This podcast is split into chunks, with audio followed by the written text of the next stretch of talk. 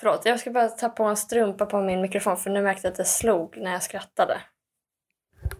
Vilket du gjorde direkt när vi satte igång. Ja, så fort jag fick se dig.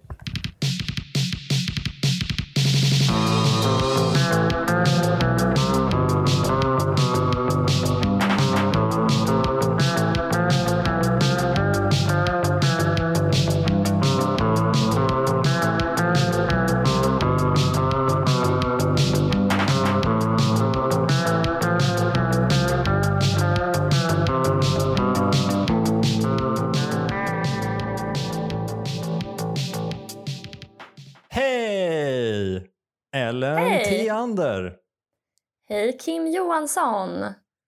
Oj vad jag har saknat dig efter en lång, underbar, avkopplande sommar. Ja, detsamma. Och jag har saknat er som har fått hålla till godo med våra förberedda småkakor som ni har kunnat plocka fram varje dag eller varje vecka ur frysen lagom till morgonlöprundan. Men nu är vi tillbaka. Nu blir det varmrätt igen. Pappa är hemma och han ska steka pannkakor. Varje Ja. tisdag. och vi har ungdomsåren bakom oss. Första plattan. Nu är det den svåra, svåra tvåan. Nu, nu är ju inte det här en videopodd man ser inte men jag har liksom konverterat, alltså completat min konvertering till, till eh, liksom eh, här 80-talets televangelist. Ja, just det. Exakt så ser det ut. Sommaren för, för mig och många med mig har varit liksom ett tillfälle att fullborda den konvertering till stilen sinnessjuk Mm. som påbörjades när vi tvingades jobba hemma. Det finns ju liksom en viss breed av människor som har börjat jobba hemma nu. Mm.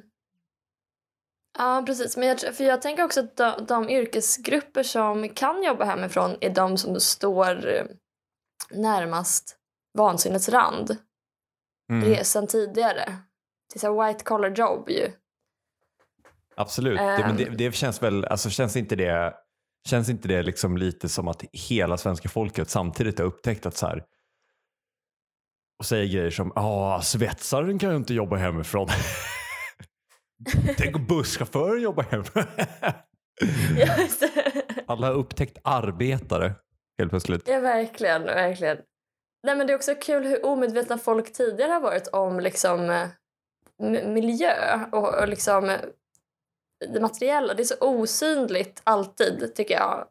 Mm. Eh, jag läste en, eller började läsa lite i en bok av Gaston Bachelard. Det vore kul om du inte hade någon poäng här, att du bara sa det. För att Ja. du fick säga Gaston Bachelard och sen gå vidare med ja, nog om det. Ja, eh, Gast- eh, jag har inte läst den, men jag läste lite förordet. Du läste ett förord så att du kan säga att du har läst en bok av Gaston Bachelard. Ja, men, nej, men okej, men jag läste inte den, men jag läste i, eh, ett förord. Och det, där eh, så Nog står det det. att... Ja, precis. förlåt, förlåt. Du ska få berätta vad du har läst. Förlåt. Den här boken i alla fall heter The Poetics of Space och, eh, och, då, och han började skriva om, jag tror ganska traditionell filosofi i någon mening och sen också psykoanalys och sådär. Mm. Men sen så började han skriva om rumslighet då och då så, så skriver han att eh, det är inte för att det är den mer intressanta eller den viktigare delen i begreppsparet andemateria. Det är helt enkelt för att det är det mest underutforskade. Det är ingen som skriver om och det är ingen som lägger märke till materia. Det är ingen som lägger märke till liksom, trappan, bordet förrän typ nu. Eller folk i alla fall börjar kanske tänka lite mer på arbetsplatser, miljö. Mm. Men alltså på tal om anden och materia. Eh, Mm. en intressant, eh, intressant att du nämner det. Eh, Mm. För att det för mig onekligen vidare till eh, en av de stora nyhetshändelserna i världen. Mm. Och ehm, det är eh, eh, givetvis Gunnar Hökmarks debattartikel om att låt, låt bara skolorna dö. Det är, väl ändå, alltså så här, det är väl ändå ett intressant sätt att prata om. Jag vet inte, har du läst den här debattartikeln? Nej, berätta. Återge. Eh, ja, jag har då läst eh, första stycket innan, för sen skulle vi spela in. För jag såg många prata om den. Men, men, Ja. men jag har förstått innebörden rätt så, så, så handlar det om liksom att låt skolmarknaden funka bättre. Eh, Mm. Alltså mer som en marknad. Flytta elever till närliggande skolor, stäng dåliga skolor och låt, eh, låt friskoleföretag tvångsöverta eh, kommunala skolor som fungerar dåligt. Och, alltså, det här är ju eh, clickbaiting. Alltså, det, det är ju ingen som... Det är inget förslag. Alltså Hökmark är väl någon slags EU-politiker för Moderaterna. Eh, så det är inte så att han kommer komma hem till Sverige och ta era skolor. Utan det är ju för att sådana eh, vänstermän som jag ska bli sura och prata om det. Så att DN får annonsintäkter och prenumerationer. Ja. Men, men det, det är ändå en intressant eh, att han tar upp det här just nu. För jag tror att det, det är ett, ett sätt att prata lite om eh, den afghanistanska vad ska man säga, statens kollaps nu efter Mm. USAs utträde.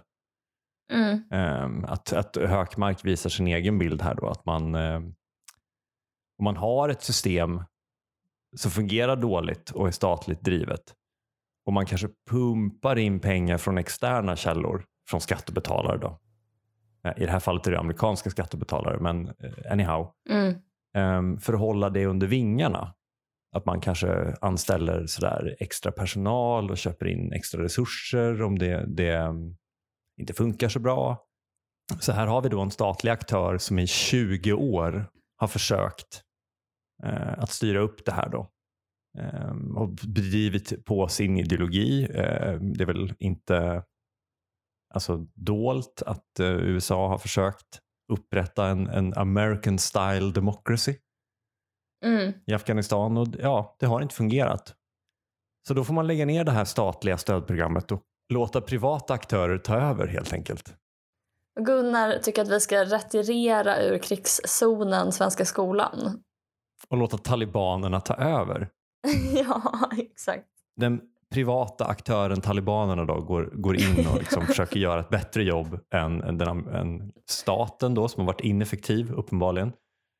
Ehm, man lyckas ta över ett land med 20-30 000 krigare versus USAs en halv miljon. Eh, så uppenbarligen så kan, den här privata aktören har ju ett mer effektivt sätt att bedriva sin verksamhet på. Nej men alltså det är ju inte... USAs syfte har ju inte varit att upprätta en amerikansk eh, American style demokrati. Utan från början var ju det att eh, de inte ville att Sovjet skulle kontrollera Centralasien och därför utrustade mujahediner, alltså de som är talibaner nu, med jättemycket vapen, amerikanska vapen, för att kunna vinna kriget mot Sovjet helt enkelt i Afghanistan. Och genom att typ söndra och härska. Så att det, det är ju det är USAs liksom pengar som har finansierat talibanerna. Det är ju, men det är ju samma sak med svenska skolan då i och för sig. Det är våra, det är statens pengar som har finansierat de här privata aktörerna. Entrep- vad, vad, vad, kallas, vad kallar de sig själva? Skol- Entreprenörer, Ja. visionärer, barnens vän, De, precis, privata visionärerna och barnens vänner. reinkarnationer av Astrid Lindgren. Ja, just det. Ja, nej men alltså, där kan man ju titta på det att, att eh, USA, fine, USA gav ju pengar till talibanerna eh, då. Men de då, som de entreprenörer de är, satte ju de pengarna i, i bättre användning än vad, vad staten USA kunde göra. Alltså den privata aktören Mm. talibanerna lyckades ju ta makten även då. Mm. Och sen fick ju staten gå in då. Men det lilla, alltså i 2001 var väl det, det liksom att staten kom in och sa ja men vi ska bara, vi ska bara hitta Osama bin Laden och liksom kväsa Mm. al-Qaida. Typ. Mm. Men sen som det alltid är med staten så växer ju det där. Man startat Mm. ett litet projekt, du vet. Ja, det, det ska bara, uff, nu ska staten bara ha något litet bidragsprogram sådär. Oj, oj, oj, det växte och blev flera miljarders miljarder. I USAs fall är det väl 81 triljoner eller något sånt där. Oj. har det väl kostat under de här 20 åren. Så det har ju liksom växt då eh, och statliga program tenderar att göra det. Så det är bra att, att det kommer in en privat aktör. Alltså jag säger ju inte det här för att jag stödjer talibanerna. Jag säger det bara som en sann marknadsliberal att vi kanske ska prova ett privat alternativ. Vad vet jag? Det är lite för smickrande egentligen eh, liknelse för att talibanerna är kompetenta till skillnad från de här skolföretagen. Det är du som drar paralleller mellan skolföretagare och talibaner. Jag bara, jag bara Ja. stating economic facts. Ja, ja, ja, okej. Droppar ja. truth bombs. Ja. Så som talibanerna har droppat bomber på flickskolor och kommer jag droppar truth Mm. bombs om Mm, ekonomisk teori. Mm, mm. Eh, nej men det för mig vidare till, nä- till nästa punkt då, i det här och det är ju att, att talibanerna har ju också utvecklats eh, som privat aktör och hängt med i tiden eh, och skaffat sig en presstalesperson.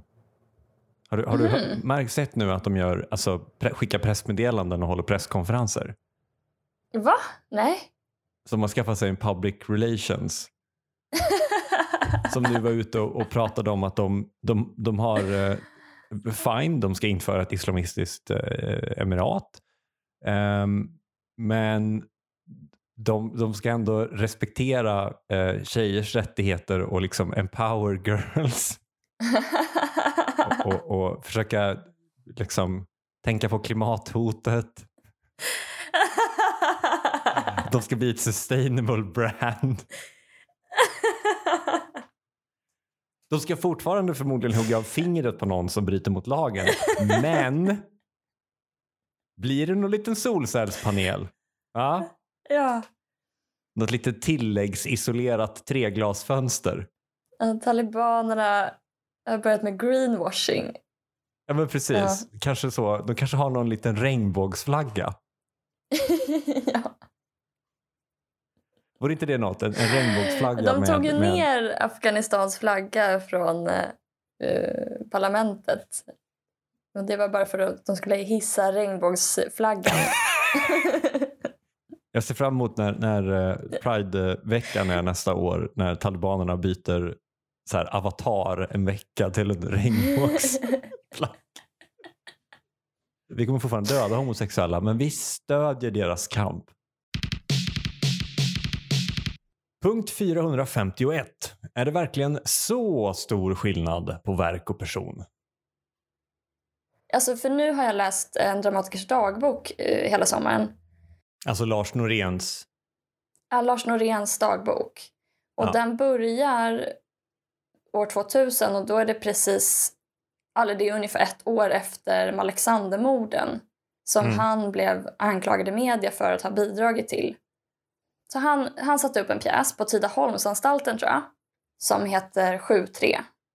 Och i den så spelade utöver Rine Brynolfsson tre då grovt kriminella personer med öppet nazistiska åsikter sig själva. Så de spelade sig Mm. själva och deras repliker var också eh, eller de, deras repliker överensstämde med deras egna åsikter. Eh, så dels var det kontroversiellt och sen så var det dessutom så att Tony Olsson som var en av skådespelarna rymde under permission för de fick då permission eh, för att repa och spela den, här pjäsen. Mm. Och under den här, eh, eller under permissionerna så genomförde de väpnade rån. Både Tony Olsson och Mats Nilsson. Eh, Mats Nilsson var inte med och rånade men han eh, hjälpte till att liksom gömma, vad heter det, skatten. Bytet. Ska- Bytet, Vi säger bytet. skatten. Skatten är mycket roligare. Men Tony Olsson sen då rymde ju också för att råna en bank, va? Som Mm. var upprinnelsen till Alexandermorden. För då dödades två poliser helt enkelt under det här eh, rånförsöket. Och då så var det såklart jättemånga, jätte, Lars Norén fick jättemycket kritik för att han hade bidragit till att möjliggöra helt enkelt eh, de här eh, grova brotten. Mm. Och eh, jag säger inte att det är Lars Noréns fel. Men det tycker jag är ett, ett exempel på att en, en författares verk är också ett resultat av samma personlighet som leder till andra saker i författarens liv. typ. Mm. Förstår du vad jag menar? För att, alltså, Lars Norén skrev alltid om utsatta människor. Han var väldigt intresserad av liksom, samhällets absoluta bottenskikt, de mest utsatta, utstötta personerna i samhället och stod alltid mm. på de svaga sida. Vare sig det handlade om psykiskt sjuka, narkomaner eh, eller kriminella då.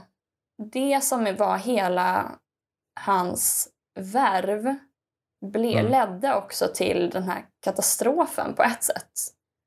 Och också att de här eh, kriminella utnyttjade, de visste att han var så intresserad. Så det, det är nästan som att man, man får känslan av att det är planerat från början. För att de hör av sig till honom och skriver ett brev till Lars Norén från mm. fängelset och ber honom komma och sätta upp en pjäs där för att de har läst eh, drama eh, i fängelset och blivit intresserade och liksom ja, antingen så är det genuint att de bara är, de har blivit intresserade och fått, eh, liksom, fått upp ögonen för Lars Norén eller så är det bara ett sätt att så här, ja, men de vet att han kommer nappa på det för att det är en, jätte, det är en unik möjlighet. Och som de skriver i brevet att så här, det, är en, det är en chans för dig att få inblick i våra psyken och hur det ser ut i på eh, anstalt. Liksom. Eh, och likadant, alltså Strindberg tror jag är... Det finns ju vissa likheter mellan Strindberg och Norén också. Bland annat på så vis att de var väldigt produktiva. Och det tänker jag är ett, ett temperament. Och det tycker jag man märker liksom i hans samhällskritik, hans produktivitet eh, och även hans misogyni. Alltså att han, han liksom är, precis som Lars Norén, en kränkt person som vill ha upprättelse och har den här um, koleriska sidan. Att Det är bara så här, skriva, skriva, skriva, skriva, skriva, måla, måla, måla, måla, fota, fota, fota. Och attackera allt. Attackera liksom kungahuset, Svenska Akademin eller media. Men också alltså här, politiken, feministerna. Allt som är makten är han, så här, känner han sig ja, åtminstone sekundärkränkt av men mm. också mm. i många fall liksom personligen attackerad av. Att han skrev Röda rummet som har den här, det här temperamentet, det här liksom en aggressivitet ett tempo och en intensitet. Det här, alltså han är så intensiv i alla, nästan hela livet. Vilket också Lars Norén är nästan hela livet. Och jag tror inte att Röda rummet hade blivit så bra om det inte vore för att Strindberg var som han var. Mm. Nej, men och med Yasin till exempel, eller Yahya Hassan så är det mm. samma där. att så här, Jag tror att dels bara att många kriminella personer har också en sån här intensitet och en drivkraft som påminner lite om skapande drivkraft. Mm. Som är liksom en ärelystnad, en vilja att vara liksom, visa sig på styva linan There's more to life, typ. Ja, precis. En liksom, ja, kanske livshunger och en... Eller dödsdrift kanske. Men också att så här, vara bäst och liksom få makt och erkännande och bli känd, typ. Eller ökänd. Det, det, man blir, det funkar inte att vara konformist om man ska vara nyskapande. Nej, precis. Ja. Och både, eh, både Yahya Hassan och Yasin skriver ju om då såklart sin tillvaro. Men det är inte på det sättet i första hand som jag tänker att det är. För jag tror att eh, Yasin hade kunnat skriva jättebra texter om annat. Eller det har han ju. Alltså han skriver jättebra om kärlek också. Och Yahya Hassan skriver jättebra om annat. Så att det är inte det jag menar riktigt. Att så här, de hade inte varit någonting om de inte hade haft den här historien att berätta. Jag tror att de är bra eh, författare. Liksom. Alltså, jag är verkligen inte en Yasin-kritiker, måste jag bara säga. Men jag vill bara ge ändå ett argument till eh, motståndarsidan. Jag tycker inte att Petri Guld har gjort skillnad på verk och person. För hela poängen med ett pris är att man inte gör skillnad på verk och person. Mm. Alltså du ger priset till artisten, inte Mm. till verket. Mm. För verket har inga armar och inget bankkonto. Liksom. och varför ska du göra det då i så fall om, det, om verket står för sig självt? Just det, för annars skulle vi inte ha några priser. Nej, Men alltså jag grät faktiskt när jag läste Yasins texter igår. Men det är jag är också lite, lite känslig. Lite eh, bräcklig just nu. Men det där, är, det där tycker jag, jag, också, jag har också läst någon Yasin-text av ren nyfikenhet efter att jag läste Diamant Salihus eh, Tills alla dör. Eh, och det som du säger, det, det, är, det är liksom det, det är bra texter. Alltså det är någon som Mm. kan arbeta med språk på ett intressant sätt för att väcka en känsla liksom, och de är upprörande. Sen är det ju roligt att man i kritiken av den där typen av artister så är det ju väldigt sällan, alltså antingen så är det bara så här, ah, de glorifierar våld, eh, eller de liksom glorifierar en, en gangsterlivsstil och så lyfter man ut de bitarna i kritik. Mm. Och det är ju, den diskussionen är väl as old as time. Att, att all, alltså, all litteratur uppmuntrar dig ju till en annan livsstil och det är ju hela poängen. Att, alltså inte att du ska Mm. byta livsstil men att du får segla in i en annan persons skor. Så den Mm. kritiken håller inte. Men då finns det en annan typ av kritik där man kritiserar det språkliga. Mm. Att eh, folk är så här, åh, ehm, jag tycker Yasins texter är bra. Och så kommer någon och säger, ah, han skriver poppa Glock. Vad betyder det? Ja. Då skulle man vilja plocka något liknande från Astrid Lindgren. Och hon, man bara, ha, pilutta då? Vad betyder det? Kurrekurredutt. Hon glorifierar ju att vara dum i huvudet. Nej, men däremot så tror jag att, eh, att Yasin är en bättre uttolkare av... Alltså jag tror att hans skildringar är trovärdiga och har vissa kvaliteter för att det är självupplevt. Men det är som du säger, att även om han hade jobbat på Blomsterlandet så hade det säkert kommit intressanta texter om pelargoner. Ja, ja, exakt. Ja, precis. Ja, men jag tycker att det är det så relevant då, egentligen? Om det går att skilja på verk och person. Alltså vart kan vi dra den Mm. heliga gränsen? Det känns ju som det- känns som att vi har gjort det här till en diskussion om vi ska ge renoveringsstöd till K-märkta fastigheter. Ja, är det, eller någon sån här BRF-lagar för vad föreningen står för och du står för. Ja, det är innersidan av fönstret är ditt, men yttre delen av fönstret är föreningens och karmen. Men persiennerna är dina. Alltså att man ska försöka dela upp det så stenhårt. Vart går verk, vart går person? Ja, För att ja. det är ju egentligen det, det är ju ett sätt, alltså det är ju bara ett vidareutveckling av så konsumentsamhället. Att man tittar på det ur så här, jaha, köper du eh, en Yasin-CD? Går det ens? Eh, Mm. Stöttar du organiserad eh, brottslighet? Alltså, Mm. det är ju ett dumt sätt att se på hur vi ska hantera organiserad brottslighet. Det ska ju polisen göra. Mm. Nej, men påminner det lite om talibanernas PR-avdelning?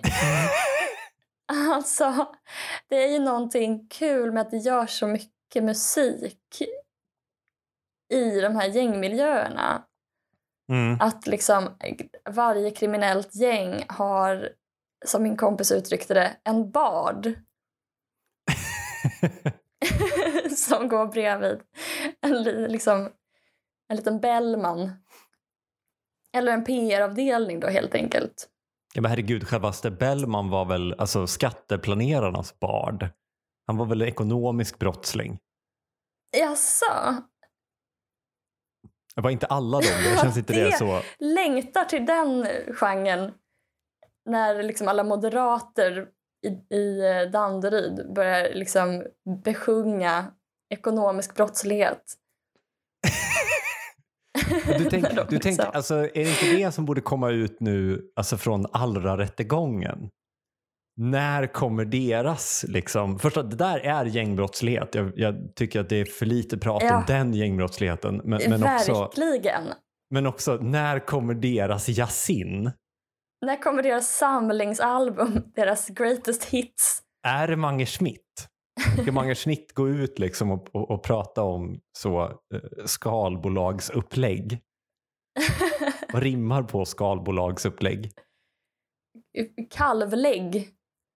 Det var inte jag, det var bara mitt brevlådeföretag. Ja. jag eh, gör dig till... Jag gör pensionärerna till min bitch med en Malta Cayman sandwich. ja.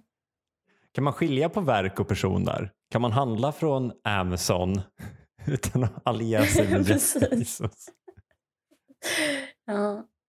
Är det inte roligt, alltså inte för att sänka nivån för mycket i podden, men är det inte roligt att Jeff Bezos och hans bror båda åkte upp i rymden för, för någon månad sedan i en raket som såg ut som en snopp? Nu ska vi liksom knulla rymden. Ja, det är roligt. Alltså, det är roligt hur killar är med sina alltså just kukformade allt. De bara, vad ska vi ha för form på det här? Ja, det blir kuk igen. Jaha, vad kan jag för former? Hmm. Precis, just då har man inga byxor på sig, tittar ner och bara mm, där är en bra form. Det, ja. det finns, har inte Gustav den tredje en obelix vid Obelisk. Obelisk vid eh, domkyrkan i Uppsala? Det känns härligt som Uppsalabo att få Gustav tredjes dickpick varje gång man går ut på stan. ja, det är precis. Det är en sån antik dickpic. Punkt 776. Jag har bytt till mobiloperatören 3 och är lite av en livskris. Nej men alltså, jag vet inte hur du känner Ellen, men, men jag förknippar mobiloperatörer med alltså personligheter. Låt höra hela listan. Vi kan ju börja med 3 då. Eh, jag har ju alltid varit emot 3 för att det Mhm. har varit den dumma mobiloperatören för folk som tänker att de ska ha det hippa och coola. Men det suger för du har ingen täckning någonstans. Mm. Och det har ju delvis stött ut i och med att 3 byggt ut sitt nät Mm. så att du har någorlunda täckning. Men inte på landsbygden och bara i centrala Åre, inte utanför Åre. Nej. Det var väl också en av de operatörerna som var så först med att du fick typ flashiga telefoner. De brandade ju sina telefoner med så här 3. Och nu känns Mm. det ju lite som att har klivit över och blivit någon slags alltså, boomer-märke. Kanske Mm. mellanchefsmärke. Tele2 då? Alltså Comvik förut var ju bara någonting som stockholmare hade. Ja, men det, känns väldigt, eh, alltså det känns väldigt så att någon sitter med en Comvik-mobil och knappar på T9 på ett McDonalds vid Slussen klockan halv två. mm. Är det halv två på dagen, halv två på natten? Ingen vet. För folk med Comvik har oklar anställning. Sen Tele2 då. ehm, det skulle jag vilja säga är liksom ICA i den uråldriga debatten Konsum eller ICA. mm. Där vanligt folk, sossar och liknande gick på Konsum, alltså Mm. Telia. Mm. Och de som var lite individuella gick på den exakt likadana butiken fast privatägd, Tele2. Mm. Just det. Den var inte nödvändigtvis bättre. Det var bara en röd färg istället för en grön. Så du hade gjort ett val. Jag vill inte ha grön, jag vill ha röd. ja. Halebop. Det är enkelt. Barn. Mm. Alla som någon gång har lyssnat på en podd för att allting är sponsrat av Halebop. Vad är det för poddar? Men alla lyssnar du på poddar. barnpoddar? Jag lyssnar bara på barnpoddar. Greta Gris. Podcast. Ehm, men det är också så här, den enda mobiloperatören som försöker vara ungdomlig. Alltså verkligen på samma sätt som, som den här memen med Steve Buscemi. När han Mm. kommer in på en skola med en t-shirt där det står rockband och håller i en skateboard och så står det How do you do fellow kids? Jag tänker så som du känner dig när du går in någonstans någonsin. Ja men exakt. Halebop var väl också den första alltså så här, låtsasoperatören. Som, Halebop är ju bara liksom Telia fast sämre. Det, det, det var ju liksom den första så här, ja, har du, du har Halebop? Ja, du- alltså, ja, okej, så du har Telia? Nej, nej, alltså jag har Halebop. Ja, men du har ju Telia. Precis som när talibanerna säger att vi ska införa ett, ett, ett sharia-styrt emirat, men vi älskar hbtq-rättigheter. Så att var det så här, jag är ung och hipp, jag har inte Telia, men jag har Telia. Ja, fotnot ett. Precis. Telia, det är Telia. Men du gick alltså från Telia, Jag gick från Halebop, ehm, från Halebop. Som för jag var ett barn för. Just det. När jag skrev den här eh, punkt 776 så var jag väldigt emot tre och liksom definierade mig som en anti-tre-person och som en Telia-person. Alltså en Mm. gråsosse. Mm. Eh, och jag funderar nu på om tre egentligen är rätt operatör för mig. För att jag tänker att vi, vi var liksom vi var där i början av, efter 90-talskrisen så var Sverige på jakt efter något bättre.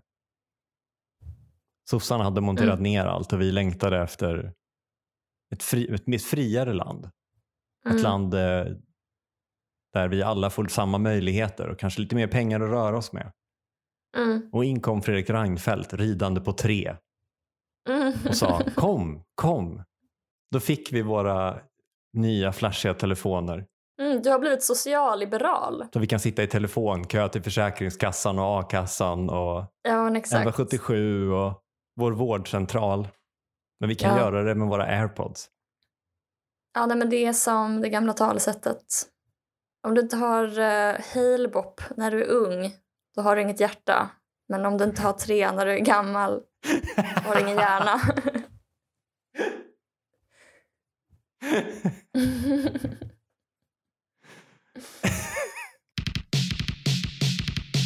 Tack för den här veckan, Kim Johansson. Tack själv Ellen Tiander. Roligt att vara tillbaka. Vi kommer ut på tisdagar klockan sex på morgonen. Lagom till morgonlöprundan. Producent är Sally Eriksson, ansvarig utgivare Ellen Tiander. Tack, puss och kram. Adjö, puss.